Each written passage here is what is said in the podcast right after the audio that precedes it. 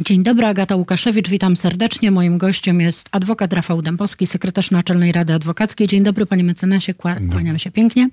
Dziękuję bardzo za przyjęcie zaproszenia. W taki dzień jak dziś nie mogę pana nie zapytać o to, co wydarzyło się w sobotę na ulicach Warszawy.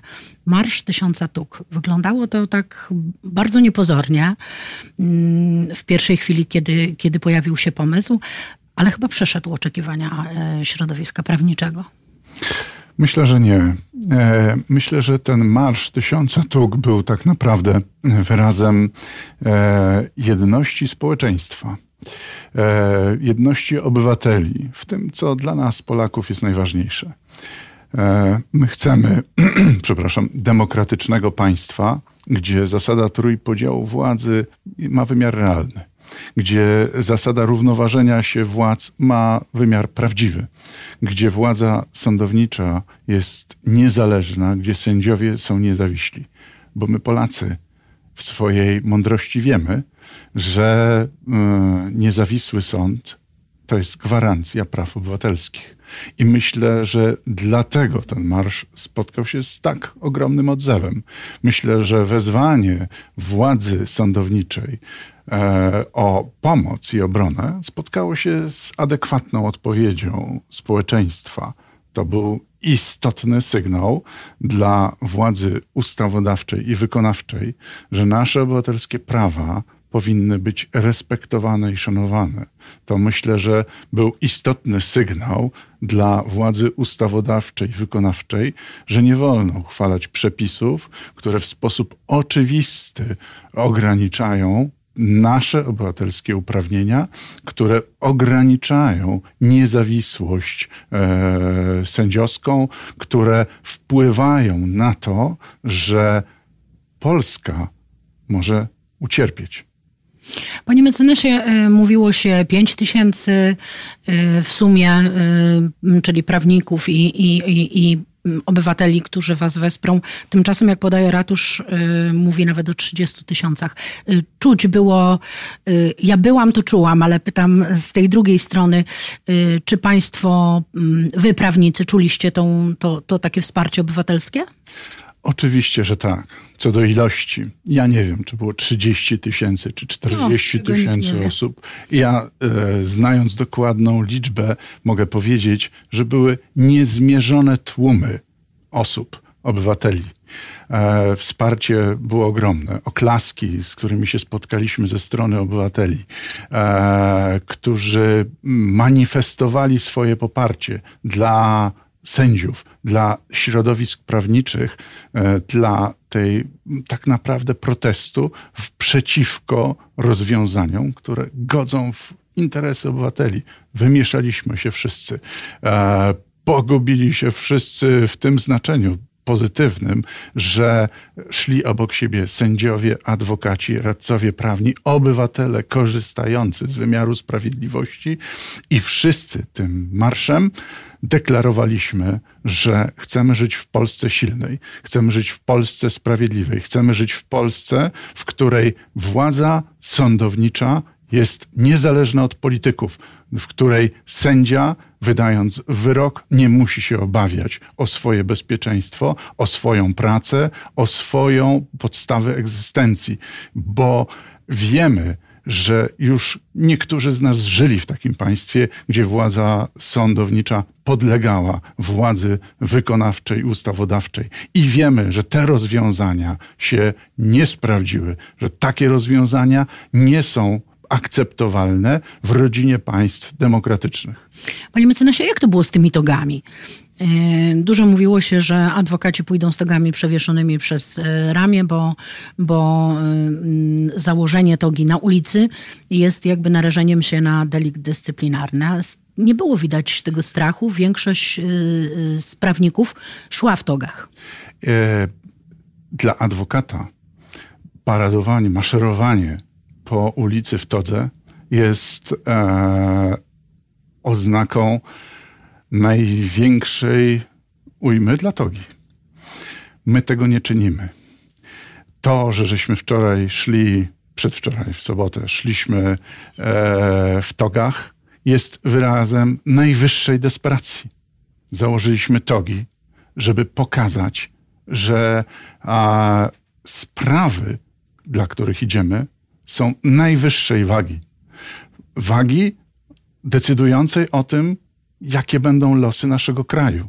Bo pamiętajmy, że jesteśmy jednym z wielu członków Unii Europejskiej. Nasz kraj a, należy do rodziny państw demokratycznych i my chcemy, żeby w tej rodzinie pozostał.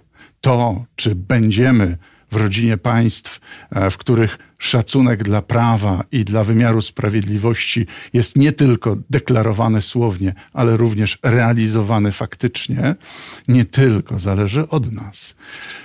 My jesteśmy jednym z członków, ale źle by się stało, gdyby nasze członkostwo było zagrożone przez działania legislacyjne robione w sposób nieprzemyślany, nierozważny, pochopny, zbyt szybki.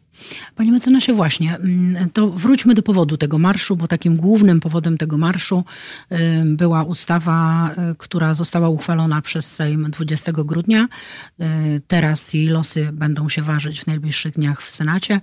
Mówimy tu o zmianie ustaw sędziowskich, nazywanych ustawą represyjną, kagańcową. Co Pana zdaniem jest tak najbardziej niebezpiecznego w tej ustawie? Ta ustawa tak naprawdę stanowi istotne przesunięcie e, pozycji władzy sądowniczej względem władzy wykonawczej i ustawodawczej. Szereg e, norm prawnych proponowanych w, w przepisach powoduje, że sędziowie e, tracą, samorząd sędziowski traci swoją autonomię, sędziowie tracą swoją niezawisłość mają zostać pozbawieni ustawowo prawa do oceny, e, czy sędzia został powołany w sposób legalny. Zmienia się definicję e, e, sędziego z definicji, mm, która wskazywała, jak się powołuje sędziego, na definicję, kim jest sędzia. Czyni się to wszystko po to, aby uniemożliwić albo utrudnić wykonanie orzeczenia e, CUE z 19 listopada zeszłego roku. Panie mecenasie, mówi pan cały czas sędziowie niezawiśli, sądy niezależne. E, to gdzie w tym wszystkim adwokatura? Po co adwo- Dlaczego adwokatura tak mocno wspiera sędziów w tej niezależności i niezawisłości? My nie wspieramy sędziów. My wspieramy państwo. Myśmy ślubowali że ze wszystkich sił będziemy wspierać i umocniać praworządność w Polsce. My nie robimy nic nadzwyczajnego. My wykonujemy swoje zawodowe obowiązki, co do których ślubowaliśmy, wypowiadając rotę ślubowania adwokackiego. Proszę zrozumieć, pani redaktor, my nie wspieramy sędziów.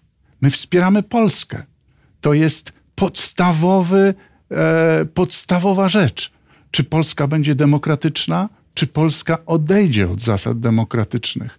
Czy sędzia, wydając wyrok, będzie rzeczywiście niezawisły, czy będzie się obawiał postępowania dyscyplinarnego? Mało to słychać o e, postępowaniach czynionych e, wobec sędziów e, za to, że wydali wyrok, który nie był oczekiwany, nie był oczekiwany, był niewłaściwy w ocenie niektórych, e, którzy wydali postanowienie niezgodne z oczekiwaniem innych. My tego nie chcemy, bo dobrze wiemy, że jeżeli taka e, sytuacja będzie miała miejsce, to sprawiedliwość wyjdzie z sal sądowych. A my chcemy sprawiedliwości. Panie mecenasie, a w takich relacjach z klientem, yy, Czym jest ta niezawisłość sędziowska? Powiem e, może przewrotnie. Sprawiedliwość wcale nie jest sprawiedliwa. Sprawiedliwość polega na tym, że niezależny organ, jakim jest sąd, oceni, kto ma rację w sporze. Zazwyczaj. W związku z tym sprawiedliwość polega właśnie na subiektywnej niesprawiedliwości, bo jedna ze stron Zawsze musi będzie przegrać, niezadowolona. będzie niezadowolona. A po co ta niezawisłość? Po co ta niezależność sędziowska? Po to, żeby wyrok był sprawiedliwy. Być może niekorzystny dla klienta. My mówimy klientom, że my nie znamy wyroków, my nie znamy orzeczeń. My, adwokaci, możemy tylko czynić starania, żeby przekonać tą przysłowowo ślepą temidę do racji naszego klienta.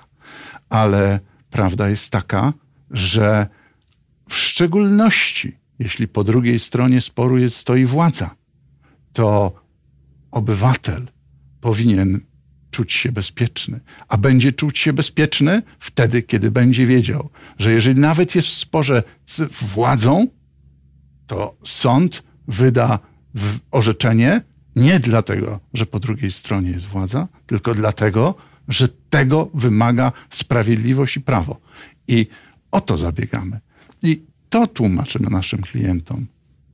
Panie mecenasie, naszą ustawą interesuje się Komisja Europejska, interesuje się Komisja Wenecka. Mm, zewsząd y, y, dopływają do nas głosy, że, że y, czuć zaniepokojenie wobec tego, co, co, co dzieje się w Polsce. Czy Pana zdaniem jest jeszcze jakakolwiek szansa na dialog? Gorąco na to liczę. E, mądrość Polaków polega na tym, że potrafią odnaleźć się w odpowiednim czasie. Mam nadzieję i chciałbym zrobić wszystko, żeby do, doszło do rozsądnego kompromisu. Ja jako obywatel jestem zmęczony tym sporem. Ja jako obywatel jestem zmęczony uporem. Ja jako obywatel nie akceptuję zaciekłości, z jaką e, politycy się okopali e, w realizowaniu pewnych postulatów. Jako obywatel oczekuję od e, parlamentarzystów ze wszystkich opcji politycznych, oczekuję rozsądku, zrozumienia, umiaru, cofnięcia się w swoich relacjach. Oczekuję tego, że głos społeczny zostanie wysłuchany nie może być tak, nie powinno być tak, że ustawa tak ważna jest przyjmowana w tak ultraordynaryjnym tempie, gdzie następnego dnia po pierwszym czytaniu już jest sprawozdanie komisji. Jaka jest jakość tego prawa, jeżeli w takim tempie je się przyjmuje?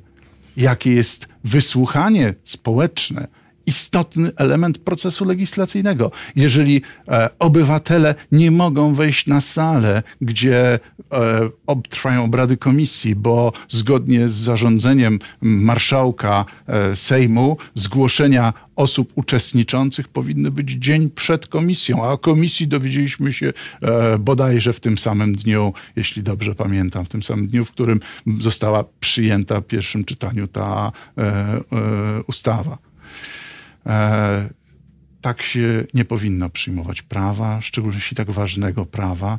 I liczę na zrozumienie i na mądrość Polaków, bo wszystkim nam zależy na tym, żebyśmy żyli w państwie silnym, demokratycznym, sprawiedliwym.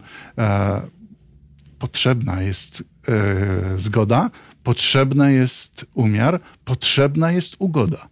Żeby do, doszło do zgody, każda ze stron musi się na chwilę cofnąć, musi ustąpić sobie, musi zrobić krok wstecz. I o to obywatele, tego obywatele oczekują po prostu. Wierzy pan, że ten krok wstecz się dokona? Chciałbym w to wierzyć głęboko. Chciałbym wierzyć głęboko w to, że ta ustawa nie przejdzie. Chciałbym wierzyć głęboko w to, że ta ustawa zostanie, że prace legislacyjne zostaną wstrzymane, bądź też e, prezydent zastosuje weto, bo tego wymaga interes e, państwa naszego. Panie mecenasie, na koniec zapytam pana o inicjatywę, która ostatnio się pojawiła e, w Sejmie, w zasadzie w Senacie. Inicjatywa Okrągłego Stołu e, dla wymiaru sprawiedliwości. Przyznam szczerze, że tematów było tak wiele, że pojawiały się oczywiście pomysły na uzdrowienie wymiaru sprawiedliwości, ale wszyscy wiemy, że ten okrągły stół był też wywołany y, właśnie tą ustawą i tymi pracami y, bardzo szybkimi, ekspresowymi y, Sejmu. Myśli pan, że takie inicjatywy mają szansę się, się jak ten okrągły stół, mają szansę się sprawdzić? Powiem tak. E, z przykrością skonstatowałem, że ci, którzy zapowiadali swoją obecność, czyli strona rządząca, wycofała się z uczestnictwa, argumentując to względami e, kampanii wyborczej. Być może e, z politycznego punktu widzenia ten ruch był racjonalny, natomiast e, z punktu widzenia interesu społecznego raczej nie. Dla mnie nie jest ważne, kto zorganizuje.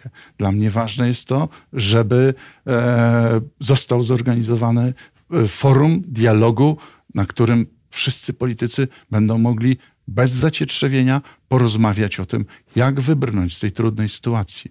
Bo bez kompromisu nie da się niczego osiągnąć. Proszę pamiętać, że większość, która decyduje o przyjęciu ustawy, to rząd kilkunastu posłów. 15-20 posłów różnicy.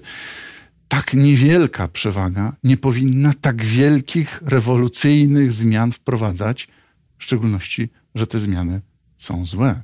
A czy marszałek Senatu y, miał prawo wezwać Komisję Wenecką, zaprosić do Polski, żeby przyjrzała się y, pracom nad tą ustawą? Bo tu jest pies pogrzebany. Część mówi, że była to wizyta oficjalna, część mówi, że nieoficjalna. Ministerstwo Sprawiedliwości zamiast spotkać się z Komisją Wenecką wysłało ją do muzeum. Y, chciało ją wysłać do muzeum, bo ostatecznie komisja, przedstawiciele komisji nie skorzystali. Czy pana zdaniem y, miał prawo do, do wezwania do Polski komisji, czy nie? W trybie e, pilnym. E, ja powiem tak.